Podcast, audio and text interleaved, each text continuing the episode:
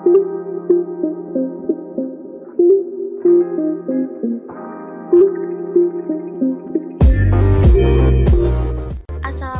warahmatullahi wabarakatuh. Ke pasar jumpa Mak Ronjeng. Halo, apa kabar, geng? TKK mau ngasih kalian something special loh. Wah, apa tuh? Hari ini kita bakal ngadain POKA alias podcast TKK. Hmm, isinya apaan? Isinya bincang-bincang isu agama yang bakal disampaikan orang-orang kece tentunya. So, check this out.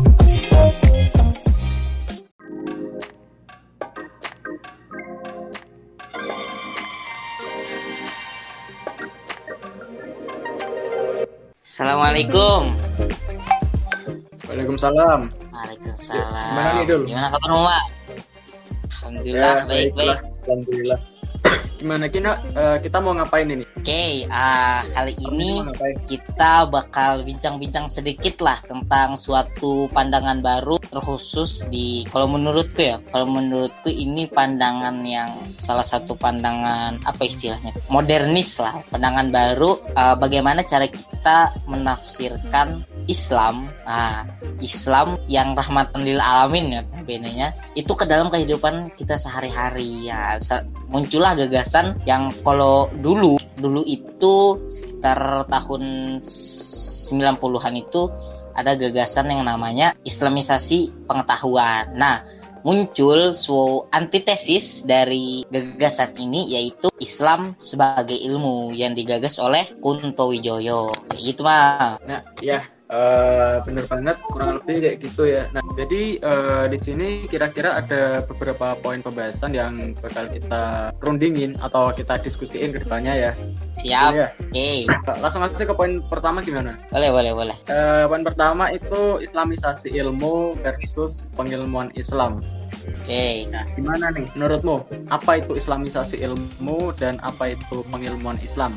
Nah, eh jadi ya mas, seingatku seperti yang udah aku bilang di awal tadi, Islami eh, Islam sebagai ilmu ini kan itu tuh gagasan yang dibawa oleh Kunto Wijoyo, yang mana eh, udah kita ketahui sendiri Kunto Wijoyo itu dia seorang sejarawan yang mana dia melihat dalam penafsiran Islam itu sendiri ada miss yang menurut dia dan itu perlu diperbaharui yang mana eh, pada sekitar tahun 90-an itu ya yang salah satu penggagasnya itu eh Nakub Al Atas atau biasa disebut Al Atas itu yang menggaungkan tentang islamisasi pengetahuan. Kita menganggap ilmu itu harus diislamkan dulu. Kenapa sih? Karena ya ilmu itu sifatnya objektif gitu. Dan gak semua ilmu, ah, makanya eh, gak semua ilmu itu bisa di, di diislamkan lah istilah itu. Karena ada beberapa hal yang kita harus melihat konteksnya kayak gitu sebelum kita kita eh, mengemukakan suatu gagasan. Dan itu yang dikritik sama si eh, Kunto ini. Makanya dia mengeluarkan antitesis nah, antitesis dari tesis yang islamisasi pengetahuan itu menjadi pengetahuan Islam atau pengilmuan Islam. Kayak gitu mal. Nah kalau menurutmu sendiri kayak gimana mal? Terkait apa sih? Ah, ya mungkin bedanya lah. Kan orang-orang kadang bingung tuh. Nah, kita luruskan sama-sama terkait pemahaman teman-teman Ya, jadi eh, gini ya, ini sebenarnya simpel apa? eh, bahasanya simpel sih. Islamisasi ilmu sama pengilmuan Islam. Ya, betul. Tapi artinya itu yang cukup ribet. Nah, Wah. maknaannya itu yang cukup ribet ya. Eh, aku tadi eh, baca-baca sedikit sih eh, terkait ini bukunya Pak Kunto Wijoyo ini sama beberapa jurnal di Google yang aku temukan.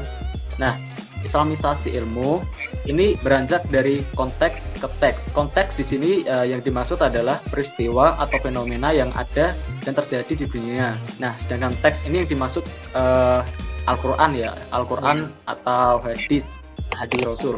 Lantas apa nih maksudnya Islamisasi ilmu yang beranjak dari konteks ke teks? Eh, aku misalkan aja ya, biar mungkin audiens ini biar, biar langsung ada gambaran gitu. Misal aja kayak gini, misal ada kejadian, misal ada kerusakan, kerusakan alam misal yang dikarenakan bawah tangan manusia. Misal ini peristiwa uh, sosial aja ya, aku ngambilnya. Ya, peristiwa sosial. Uh, setelah melihat fakta sosial ini, uh, barulah dikaitkan dengan surat di Al-Quran atau mungkin uh, hadis yang yang sudah ditafsir yang yang udah ditafsirkan oleh uh, para apa istilahnya? Para bagian hadis lah ya, ya atau ya, penafsir. Ya seperti itu ya nah ya jadi setelah melihat uh, fenomena ini misal bumi ini rusak karena manusia gitu misal nah hmm. misal ada hadis nih ada, ada hadis yang menjelaskan uh, peristiwa peristiwa tersebut nah inilah yang dimaksud uh, islamisasi ilmu bergerak dari konteks teks yeah. kayak gitu nah sedangkan yang pengilmuan Islam ini ini uh, sebenarnya rada beda sama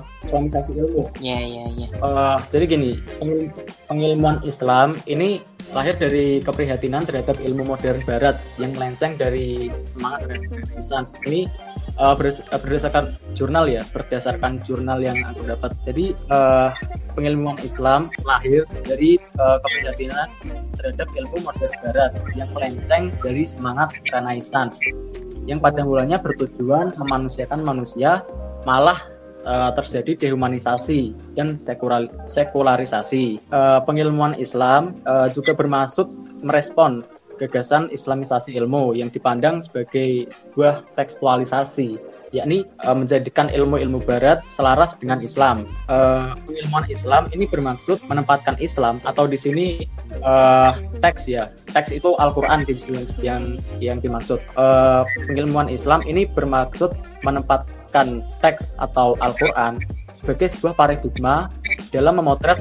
realitas. Nah, realitas inilah yang dimaksud uh, konteks tadi. Apabila Islamisasi merupakan upaya untuk mengalihkan konteks kepada teks, nah maka pengilmuan Islam ini sebaliknya, yaitu bagaimana teks yang normatif diarahkan kepada teks. Al-Quran dalam hal ini uh, bukan sebagai alat justifikasi uh, dari iya. berbagai penemuan dalam bidang ilmu, tapi sebagai sebuah apa sebagai sebuah pijakan pijakan paradigma yang melahirkan keilmuan Islam yang integralistik itu seperti itu. Oh ya, contohnya contohnya begini ini.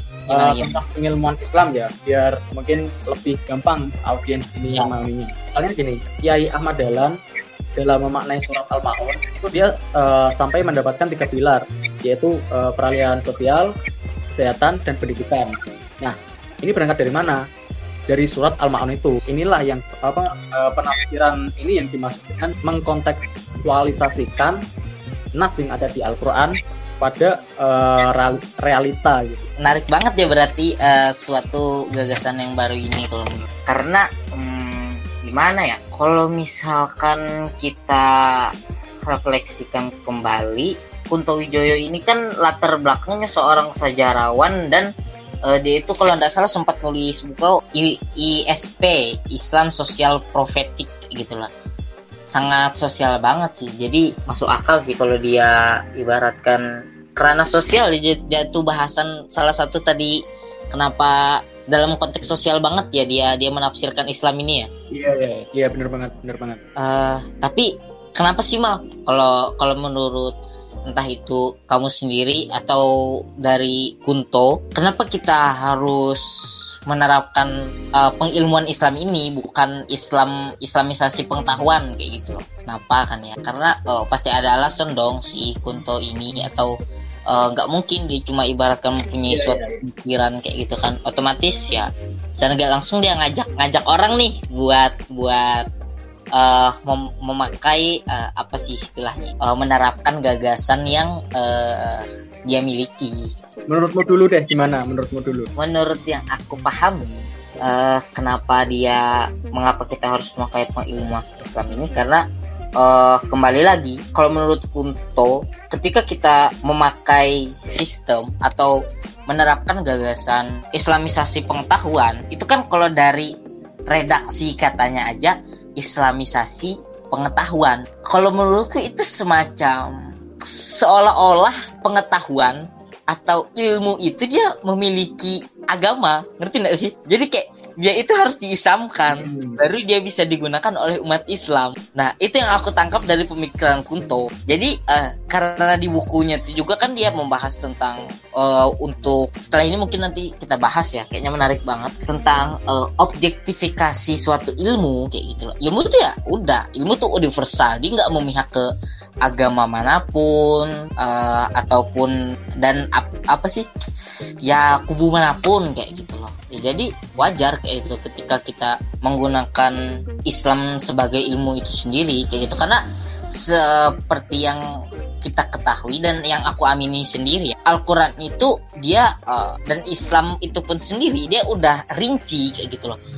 Terkait membahas eh, mulai dari kita bangun sampai kita tidur kayak gitu loh. Dalam hal apa pun baik itu kayak kita ketahui dalam hal ibadah terus itu juga dalam hal berdagang terus itu kita bersosialisasi dengan masyarakat yang ada di lingkungan kita itu udah dibahas lengkap kayak gitu di dalam Al-Quran.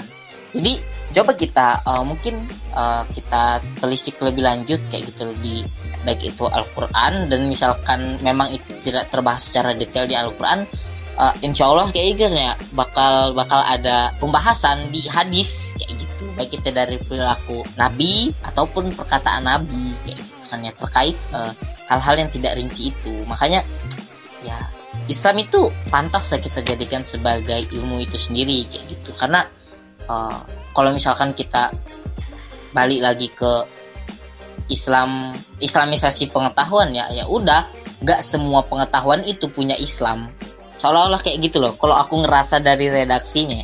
Redaksinya tuh harus diislamkan. Kayak misalkan contoh kita sebagai sebagai mahasiswa psikologi nih ya.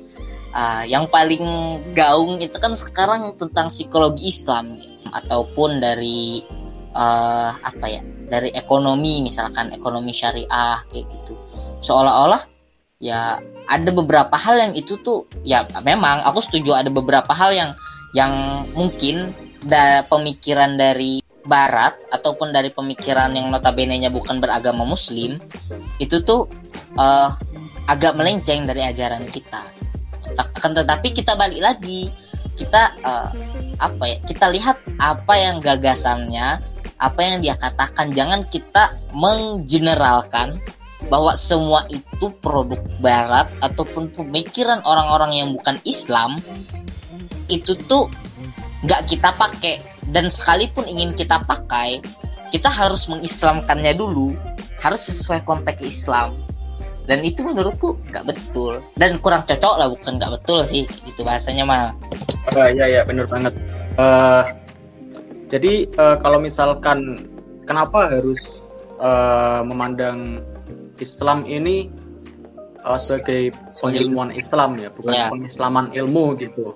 Jadi eh, kalau menurutku gini sih, kalau misalkan eh, Islam ini apa ya, padang sebagai eh, pengislaman ilmu. Ini menurut eh, menurut ini ya, aku ambil pengertian dari jurnal ya ya menurut Al Faruqi mendefinisikan siap. uh, Islamisis- uh, Islamization of knowledge sebagai kerangka normatif dan menyeluruh bagi individu dan masyarakat yang meliputi pikiran dan tindakan, pendidikan dan amalan, pengetahuan dan organisasi, pemerintahan dan yang diperintah, dan di dunia kini dan yang akan datang.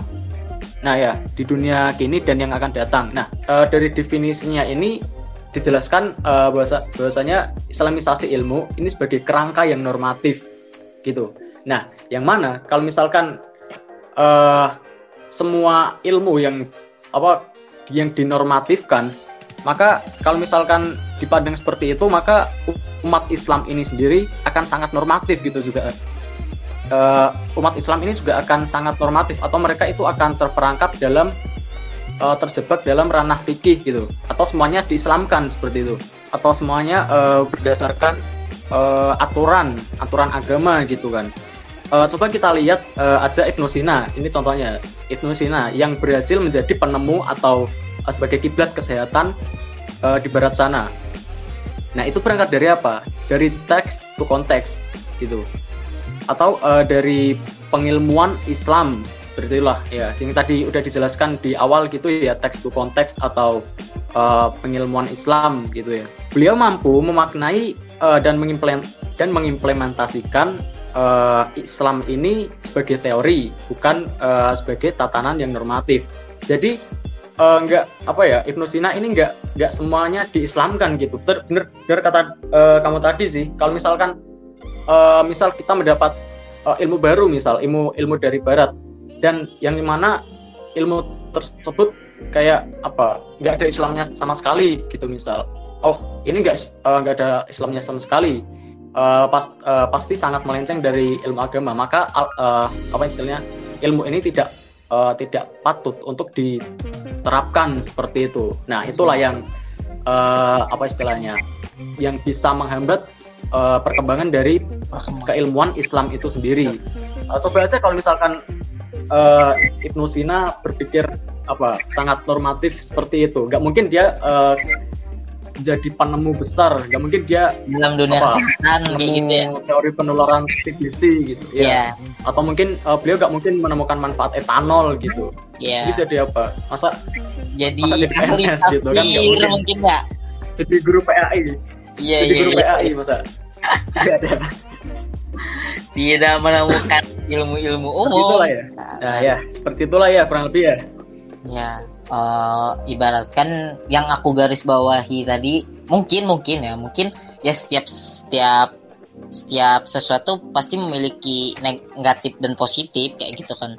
Termasuk uh, keresahan si bapak Kunto ini dia membuat antitesis dari islamisasi pengetahuan itu kan uh, yang ku garis bawahi tadi itu uh, dia rasa bisa menghambat pemikiran umat Islam itu sendiri kayak gitu ya. Iya, iya benar banget. Nah, kalau misalkan kita uh, sedikit kritis di sini kan uh, Islam sebagai ilmu ya temanya kayak gitu. Ah, hmm. misalkan kita bahas ilmu, alangkah kalau menurutku etisnya bagaimana kalau misalkan kita bahas dari sisi filsafat ilmu kayak gitu terkait ontologinya, terus tuh epistemnya, terus tuh sama mungkin aksiologi atau metodologinya kayak gitu mal terkait Islam sebagai ilmu ini. Jadi ya uh, kalau ontologinya jelas kayak gitu. Ontologinya jelas uh, kalau ontologi itu kan hakikatnya lah ya istilahnya atau apa sih kayak gitu nah Islam sebagai ilmu tuh kalau misalkan kita sim uh, kita kita apa ya bukan bukan bahasanya kita simple kan ya. Akan tetapi kita kita beri keyword ataupun kata kuncinya.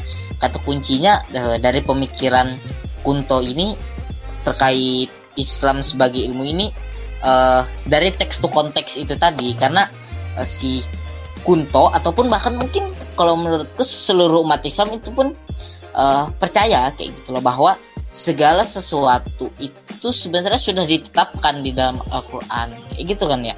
Jadi tinggal bagaimana kita mengkontekskan apa yang ada di baik Al-Quran ataupun hadis kayak gitu kan ya?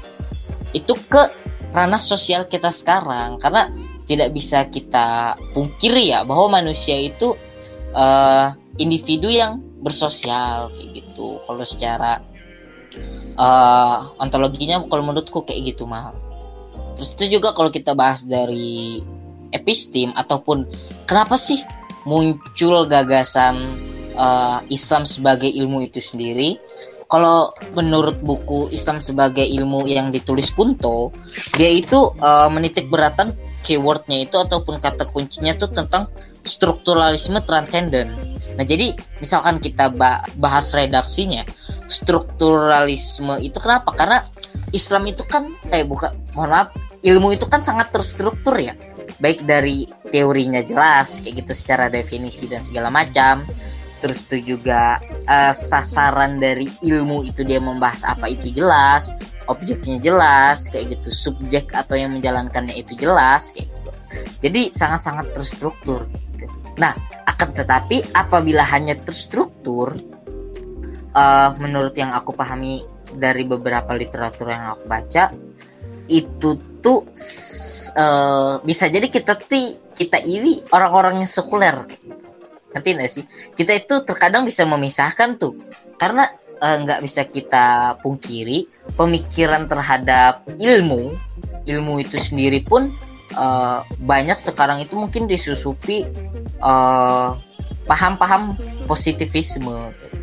Maksudnya paham positivisme ini uh, bahwa ilmu itu menurut uh, Agus Comte dia itu bilang bahwa ilmu itu harus empiris harus terlihat ukurannya jelas kayak gitu. Dan dan itu kalau menurutku kontradiktif kayak gitu. Dia kontra dengan Islam yang mana dia itu agama yang mempercayai adanya suatu metafisik. Termasuk uh, keberadaan Tuhan jin-jin yang itu memang tidak bisa diindra oleh oleh manusia kan kayak gitu. Nah jadi dan makanya dia di situ memasuki transcendent. Ya maksudnya uh, transcendent itu kan kalau secara harfiah ke atas ya. Jadi uh, transcendent itu nilai-nilai ketauhidan gitu loh bahasanya di sini. Jadi dia mensusupi di dalam struktur struktur Islam ini ataupun struktur ilmu ini nilai-nilai ketauhidan yang itu dia sebut sebagai Islam. Nah makanya dia mem uh, memakai redaksi Islam sebagai ilmu ilmu yang terstruktur itu dia sisipkan nilai ketauhidan yang itu Islam itu sendiri kayak gitu loh. Nah gitu sih maksudnya secara mengapa gagasan itu muncul karena apabila kita hanya sekedar ilmu dan kita memakai pemikiran postmodern mungkin ya pemikiran tokoh-tokoh postmodern yang terlalu berpatok pada suatu empirisme ataupun penangkapan indera ya akhirnya kita kita tidak bisa uh, memakai Islam itu sendiri sebagai ilmu kayak gitu. Kalau menurutku kayak gitu mal. Dan juga kalau terkait apa sih aksiologinya uh, si Kunto ini dia uh, lebih ke metodologi sih pembahasannya bukan aksiologi ya, tapi metodologi. Karena di sini itu dia pakai dua kunci, integralisasi uh, sama objektifikasi yang mana misalkan kita ketahui ya maksudnya objek objektifikasi itu ya seperti yang aku bilang di awal bahwasanya kita nggak bisa memandang ilmu ataupun apa yang kita lakukan itu harus semua apa yuk uh, diislamkan istilahnya. Karena kalau menurutku selama hal itu tidak bertentangan dengan agama Islam itu sendiri uh, soai kayak gitu. Buat apa kita Islam Islamkan ya itu dia dia objek kayak gitu. Pengetahuan itu objek. Dia tidak memihak pada agama mana pun. Dia tidak memihak mana kubu mana pun. Ya dia ilmu dia netral. Dia bisa digunakan siapa saja kayak gitu. Kalau uh, objektifikasi itu ya terkait bagaimana sih cara kita mungkin uh, uh, dari Islam sebagai ilmu ini kita terapkan kayak gitu loh. Dan juga mungkin uh, terkait integral ya integral atau hubungannya. Tadi ya dia ada hubungannya dengan nilai-nilai ketauhidan itu sendiri. Dan ketauhidannya itu karena mungkin karena konstruk berpikir si Kunto ini dia orangnya sangat sosialis ya. Dia orangnya sangat memperhatikan sosial-sosial dan bahasannya. Uh, si Kunto ini kalau menurutku pemikirannya itu saya aku lupa. Tapi dia sangat banyak kayak gitu loh membahas terkait sosial uh, terkait fenomena-fenomena sosial orang orang muslim lah terkhusus kayak gitu. Lalu akhirnya ada yang menghadirkan ya ada di satu sisi terkadang uh, kita itu sebagai umat muslim mengsekulerkan atau memisahkan ya agama ya agama ya ilmu ya ilmu kayak gitu nah nah jadi makanya di situ kalau menurut Cikuto oh tidak jadi Islam itu memang sudah membahas semuanya kalau makanya kuat banget ya argumen si Kunto ini ketika dia berkata Islam itu sebagai ilmu kayak gitu sih kalau menurutku mal. Oke okay, oke, okay. uh, eh, ini aku review kembali ya. Jadi yep. uh, pengilmuan Islam apa Islam bagi ilmu kalau ditinjau uh, dari segi ontologi itu yeah. Ya. uh, kaitannya dengan teks to konteks seperti yang kita bahas pada jelas kayak gitu. Awal pembahasan tadi ya. Terus ya kalau dari segi epistemologi itu uh, dari apa kaitannya sama uh, strukturalisme transendental. Nah, Betul. Apa itu strukturalisme transendental? Uh, baca dari buku Islam sebagai ilmu ya, uh, dari Pak Kunto Wijoyo. Ya, kerangan Kunto. Itu bukunya tipis kok, sumpah tipis. Tapi saking tipisnya itu dia memang memakai bahasa-bahasa yang Hah, karena buku buku buku D itu pasti dia pakai rujukan ke buku-buku yang lain yang kalau Islam sebagai ilmu ini. Jadi walaupun tipis tapi itu kayak nggak lengkap kalau kau cuma baca Islam sebagai ilmu pasti bingung kayak gitu. Aku sendiri pun bingung dan belum selesai ngebaca gitu karena bingung saya. Iya, saya baca sekilas juga. Wah, ngomong apa ini? Dari awal sampai akhir. Bahasa samawi kayak gitu, bahasa langit lah sudah kayak gitu. Tinggi banget. Nah, itulah. Iya. Oh ya, uh, yang terakhir itu uh, pengilmuan sebagai Islam, eh peng, pengilmuan Islam ya. Iya. Peng, uh, benar pengilmuan Islam uh, dikaji dari segi aksiologi atau metodologi. Uh, bagaimana kita mengkonklusikan Islam sebagai ilmu tadi yaitu yeah. ada dua menurut Pak Kunto Wijoyo yaitu integralisasi dan objektifikasi seperti itu. Uh, berbicara ya uh, berbicara terkait dengan aksiologi ini sebenarnya uh, ada terakhir sih ini uh, pembahasan terakhir kita yaitu gimana sih cara kita menerapkan Islam sebagai ilmu ini pada kehidupan kita sehari-hari ya uh, jadi uh, mungkin untuk implementasinya itu uh, cukup simpel aja ya teman-teman ya uh, kita refresh kembali uh, pembahasan awal tadi kita sebenarnya pembahasan kita ini nggak jauh-jauh dari uh, pembahasan teks to konteks seperti itu ya dulu ya. Iya betul. Ya apa itu teks to konteks? Nah teks itu adalah Al-Quran, konteks itu adalah realita atau mungkin peristiwa seperti peristiwa, itu ya. Kehidupan kita sehari-hari lah kayak gitu loh konteks. Nah ya seperti itulah. Nah jadi uh, bagaimana sih penerapannya ya cukup kita uh, bertindak atau berperilaku sesuai dengan Al-Quran, sesuai dengan ayat-ayat yang ada di Al-Quran seperti ya. itu, atau mungkin uh, kita mengetahui uh, kita mengetahui suatu hadis yang mana membahas tentang apa misal uh, berpuasa atau misal uh, mem menyumbang menyumbang. Apa? Beramal beramal misal amal oh ya. Nah nah itulah uh, dari hadis-hadis yang sudah diriwayatkan oleh para nabi dan rasul. Begitu Nah, ya kurang lebih seperti itulah ya. Ada tambahan ada tambahan lagi nggak kira-kira dulu? Hmm, apa ya? Mungkin terkait penerapan kayak gitu. Karena udah lumayan jelas. Kalau menurutku sih jelas ya kamu jelaskan. Tapi yang pasti uh, buat kawan-kawan, kalau menurut aku sendiri terkait bagaimana penerapan Islam sebagai ilmu ini ya di ranah konteks atau kegiatan kita sehari-hari si Kunto ini uh, dia itu memang bahasannya kan kalau yang aku pahami uh, ibadah itu menurut beberapa ulama terbagi menjadi dua kan ya ada ibadah mungkin Kemal tahu ya ibadah mahdoh itu ibadah guru mahdoh itu nah. nah mungkin nanti koreksi kalau aku salah kayak gitu mah yang ibadah mahdoh ini dia itu sifatnya vertikal. Jadi ibadah. Baik itu ya mungkin puasa terus itu juga sholat gitu. Dan terkait ibadah Gur Mahdoh ini dia ibadah vertikal.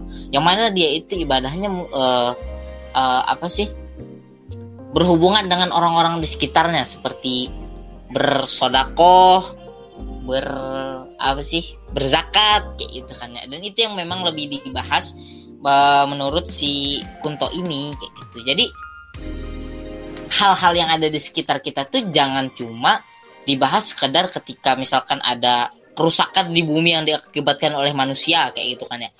Kalau yang aku tangkap dari pemikiran Kunto ini, jangan cuma kita hubungkan dengan ya sudah ternyata uh, kejadian itu sudah ada dibahas di dalam Al-Qur'an dan orang-orang yang Islamisasi pengetahuan menurut si Kunto itu dia itu cuma berakhir oh ya sudah ternyata ada hubungannya kayak gitu.